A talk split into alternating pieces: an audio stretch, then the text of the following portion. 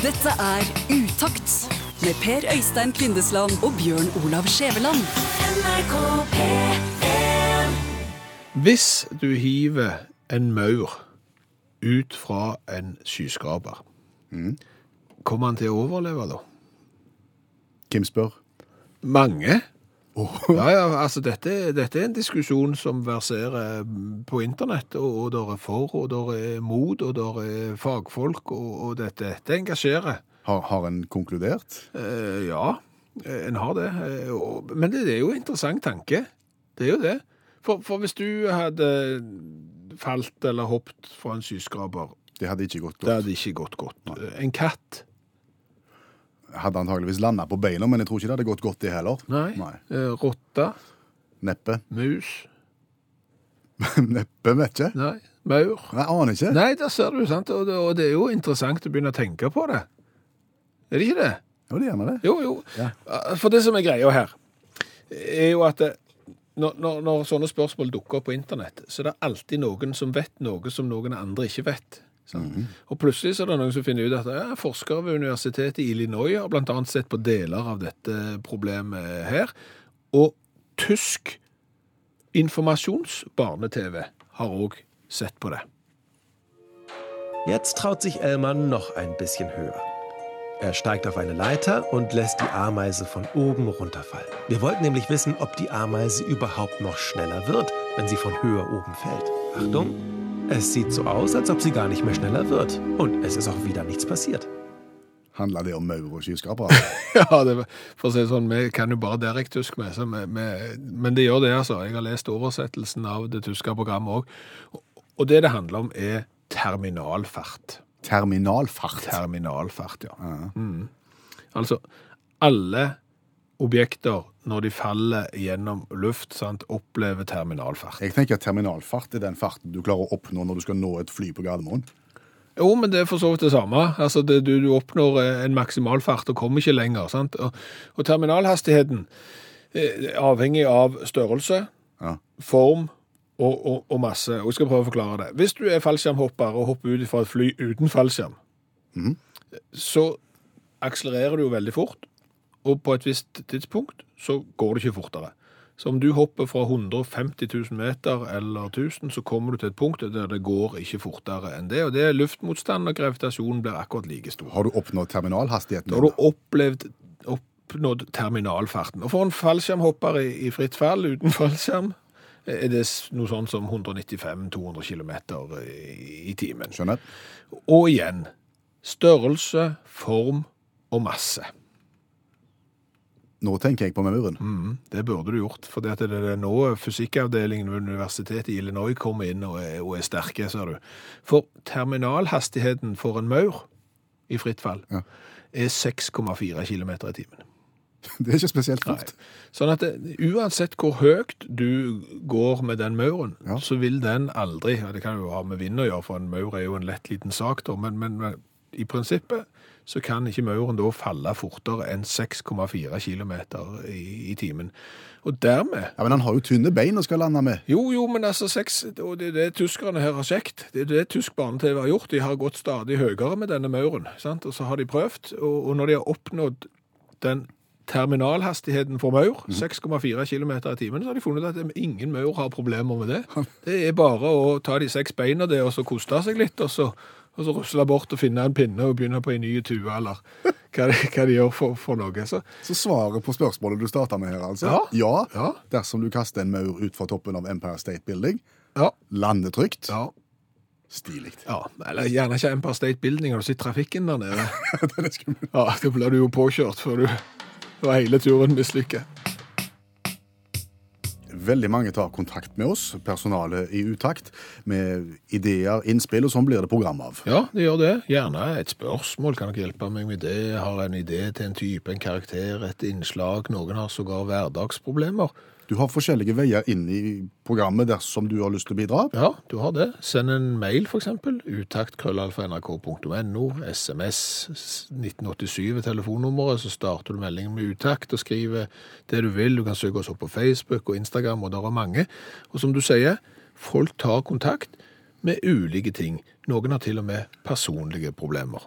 Ja, vi fikk en ganske spesiell mail her en dagen. Eh, En som fortalte om en spesiell avhengighet som han sleit med. Og han hadde lyst å, å snakke om det, under forutsetning av at han fikk lov til å være anonym. Eh, Vi sa ja. Vi inviterte fordi at denne her avhengigheten var så, såpass spesiell at vi godtok eh, anonymiteten. Velkommen til oss. Tusen takk. Hva er det du er avhengig av? Ost. Du er avhengig av ost. Hvordan utarter det seg? Du må ha ost til alle måltid. Det blir en evig jakt e- e- etter ost. Det er ost, ost, ost gjennom hele dagen. Hvordan begynte dette?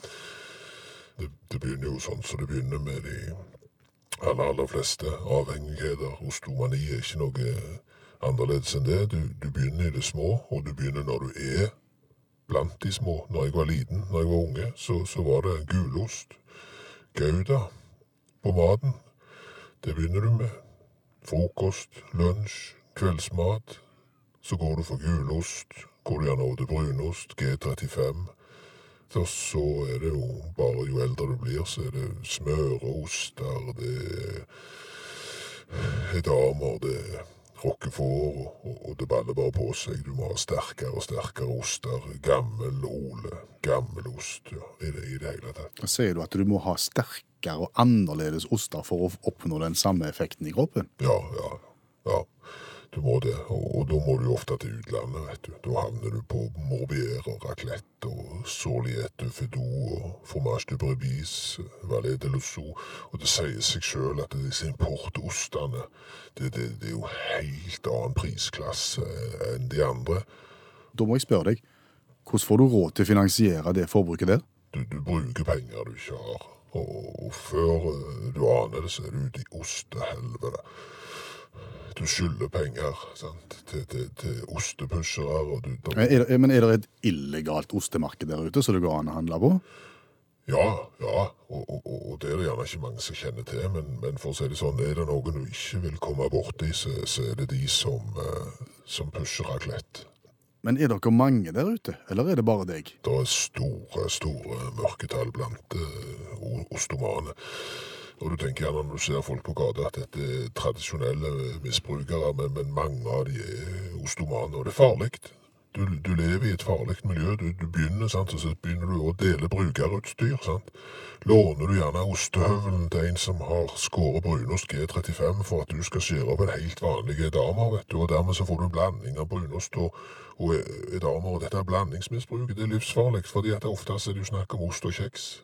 Og svært mange av oss som har vært gjennom dette ostehelvetet, vi har jo òg blitt avhengig av kjeks. sant? til kjeks. For mye salt. Så ødelegger du jo kroppen innvendig. Nei, det, det, det er ikke bra, dette her. Og, Er det noen hjelp å få i helsevesenet? Hva, hva, ingenting? nei, nei, nei. Grunnen til at jeg kommer fram med dette, er jo at nå har jeg jo nådd bånd. Altså, jeg har oppdaget en ost. En serbisk ost. Og unnskyld uttrykket, men den kalles pule. Det er serbisk for full. Friske eselmelk, 25 liter trenger du for å framstille 1 kilo med pul. Den koster over 6000 kroner kiloen. Og kan du tenke deg når du gjerne skal ha en kilo av den til det er 6000 kroner? Sant? Det, det som har skjedd er at jeg, jeg har jo reist land og strand rundt deg og brødet meg inn på forskjellige ysteri for å få tak i dette her. Altså, jeg har Tingvollost og Vollysteri, Undredal Støls ysteri. Det er ikke det ostefabrikken i Norge der jeg ikke har brødet meg inn for å få tak i disse edle produktene. Eh, hva er det du ønsker at det, det offentlige skal bidra med for dere osteavhengige? Du må begynne med assistert rehabilitering. Mm. At det gjerne blir egne osterom. Ja, Blir det på en måte litt sånn lege, legemiddelassistert behandling? det? Ja, men vi kaller det for LAOS. Legemiddelassistert eh, ostebehandling. Mm. La oss, la oss leves for hverandre, har vi som motto. Ser du noen vei ut av dette? Første steg er det er jo også å si fra. Hei, og, og jeg har et uh, osteproblem. Det er liksom det første. Innrømme det for seg sjøl, innrømme det for arbeidsgiver, innrømme det for uh, familien. Og kan jeg hjelpe én osteavhengig der ute, så har dette vært verdt det. Tusen takk for at du ville dele historien din med oss. Det er tøft, men det er viktig. Utakt på NRK P1. Vi har sagt det før, men vi sier det igjen. Utakt har verdens beste lyttere, og Utakt har verdens eh, tøffeste lyttere. Ja, folk som uh, hører at eh, dette er verdens vanskeligste spørrekonkurranse, og ikke lar seg skremme, men allikevel melder seg på, det er bra. Inngangsspørsmålet hva heter du, og hvor bor du? Tore Njå har skrevet 'Jeg bor i eh, Borgen i Asker', verdens hyggeligste sted. Vi har ingen grunn til å tvile på det, derfor så er du kvalifisert. Hei, Tore. Hei, hei. Og det som er så fint, når jeg ringer Tore, så tar Tore telefonen, og så snakker jeg med en østlending. Ja. Og så går det noen sekunder, så går han fra å være østlending til å bli rogalending. Kan, kan vi få høre den dialektvandringen der, Tore? Jeg, jeg, ja, altså egentlig så Jeg har jo bodd i Asker siden jeg var, eller Bærum Asker siden jeg var sju år. Men flytta hit fra Stavanger. Far er eh, marinemann, så vi flytta litt rundt da jeg var liten. Eh, og det hender at det kan slå over da, til noe som ligner på Stavanger-dialekt. Men han er litt eh, gammel og, og prega av at eh, familien kommer fra Mosterøy. Så nå blir jeg, eh, jeg blir helt sikkert oppringt nå og, og, gitt skyldepapir for at jeg prøver meg på, på dialekten. Jeg vet den ikke er helt, helt riktig, men jeg kan lure østlendingene da. Ja. Vi syns vi syns det er rørende. Ja, og du får bare hoppe fram og tilbake akkurat så det passer deg. Det er bare god underholdning med folk som knoter. knoder. Ja. ja, det er fiktivt. Vi skal kjapt gå gjennom regelverket. Det er veldig enkelt. Du får ett spørsmål. Eh, Svarer du rett, så skal du få gladjodling. Svarer du feil, så blir det tristjodling. Men uansett så skal du få lov å gå i Asker med ei svart utakt-T-skjorte med V-hals. Herlig. Og vi har henta spørsmålet i dag fra verdens vanskeligste spørrebok. Ja, det har vi gjort, og vi går i gang. Vi spiller verdens vanskeligste konkurranse. I dag, 7. juni 1917, altså for 100 år siden, så ble Lions Club International stifta. 45 000 klubber, 1,3 millioner medlemmer i 200 land, og er da den største humanitære serviceorganisasjonen i, i verden, og gir mye til hjelpearbeid. Men vi skal ikke helt handle om Lions, men om Lions, nemlig dette.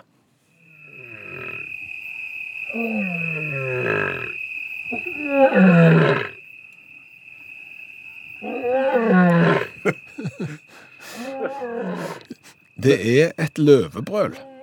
Det er en lion, det er rett og slett en lion roar, en løvebrøl. Og hvis en voksen løve brøler, og tar virkelig i, på hvor lang avstand kan dette brølet høres?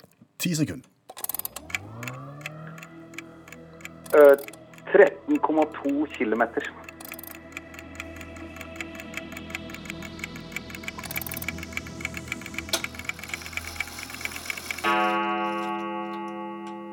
kilometer. Oi. Ja. 13,2 km er foreslått. Det er veldig, veldig langt det, Tore. ja, jeg tenkte jeg måtte ta i litt, da. ja, men, men et voksent løvebrøl, det, det bærer et stykke, altså. Eh, Det gjør det. Opptil Opp til ni kilometer. Oi, det var ikke så langt unna, da. Nei, jeg, vi hadde trodd kanskje at forslaget ville komme på, på halvparten, så du var flott, egentlig. ja. Så får du heller bruke den Det er noe som heter African time. Ja. Eh, Så, så du er sikker på at ikke de har noe som er African eh, kilometer, da? Som er litt, leng, litt lengre, egentlig. Ja, det kan godt hende det at kilometeren er litt omtrentlig, sånn at når vi sier fasiten er 9, og du sier 13,5, så er det er 13,2, så er det egentlig helt likt. Ja, jeg tror det. Det kan godt hende. Men det var bra. Nå kan du gå tilbake til østlandsdialekten din, Takk. og så får du ha det. Komfortabel der. Ha en god dag, eh, Tore Njå, Borgen i Asker.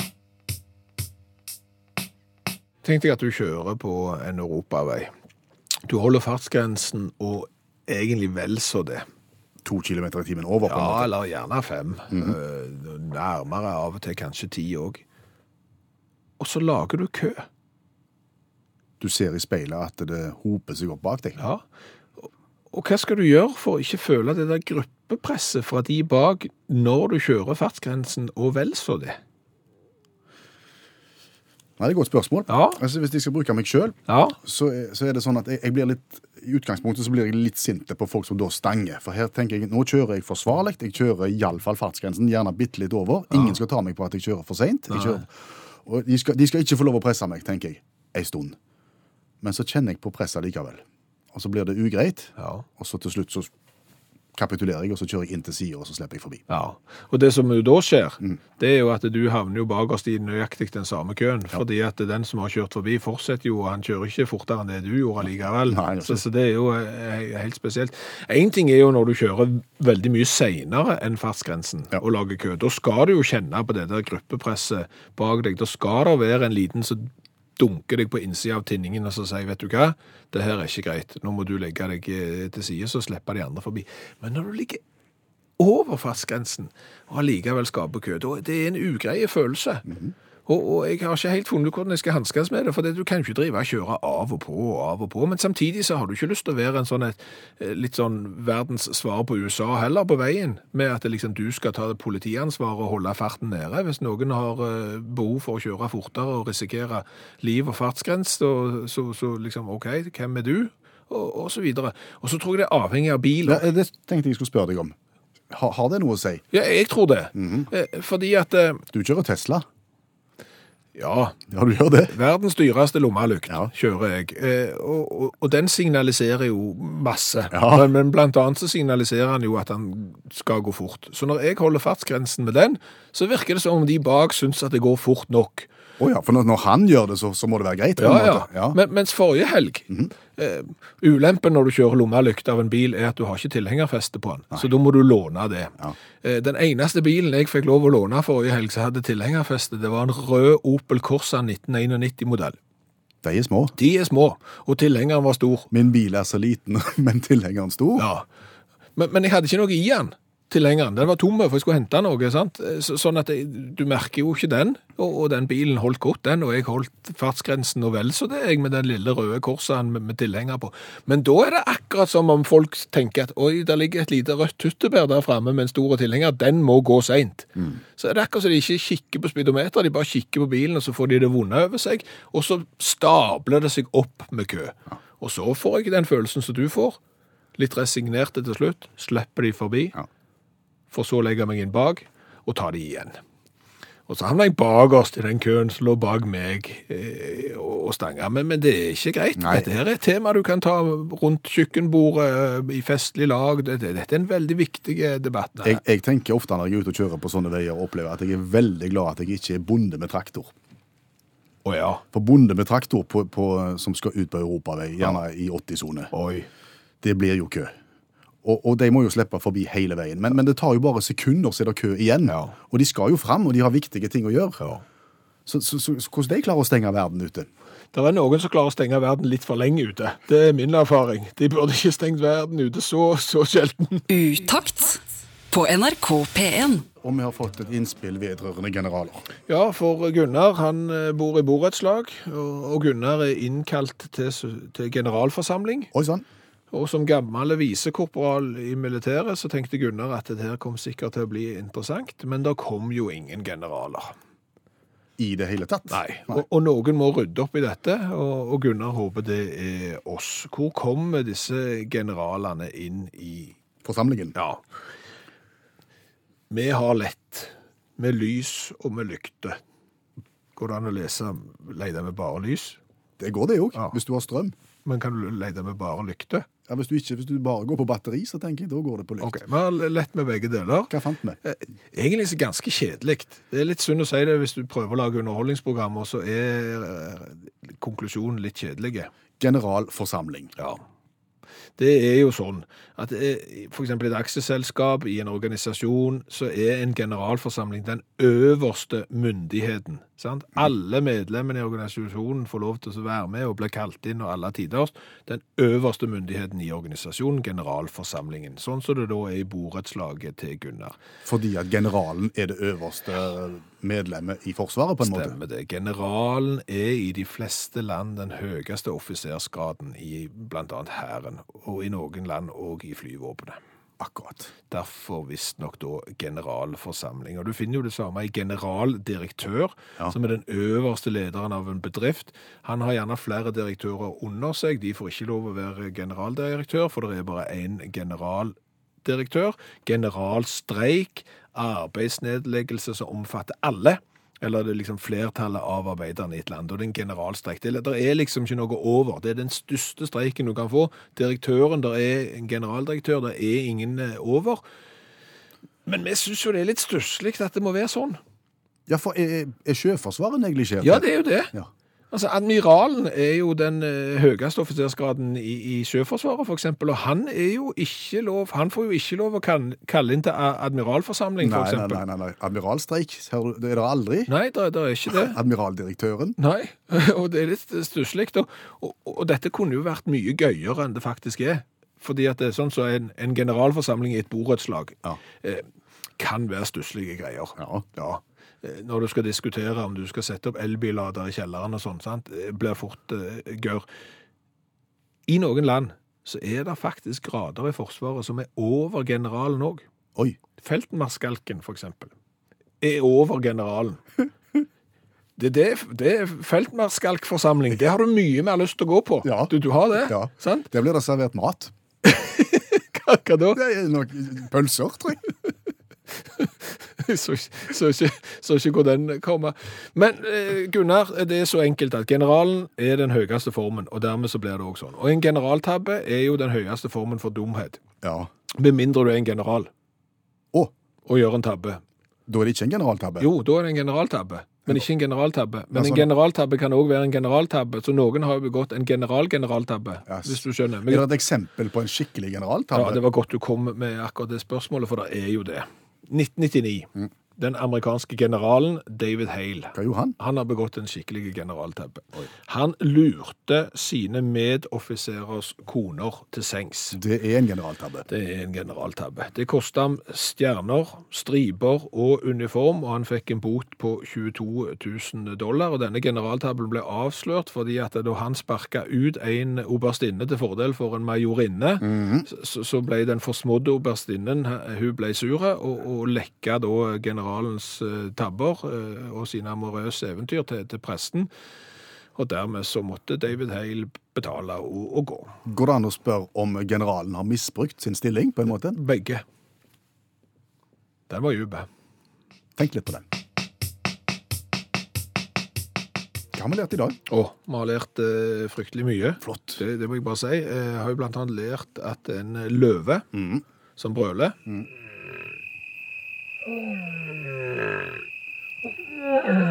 Det der skal visstnok være en løve som brøler. Jeg, føler liksom at det skal egentlig være mer maskulint enn dette. Det her høres ut som okking. Nei, vet du hva, nå er ungene de maser, og kona er sur, og det her er ikke løvebrøl. Men når en løve brøler, og er på sitt mest intense, og virkelig mener det, så kan en løves brøl høres på opptil ni kilometers avstand. Det har jeg lært i dag. Og så har vi lært, det høres mer ut som en ku. og så har vi lært om mauren. Ja, vi har lært om maur.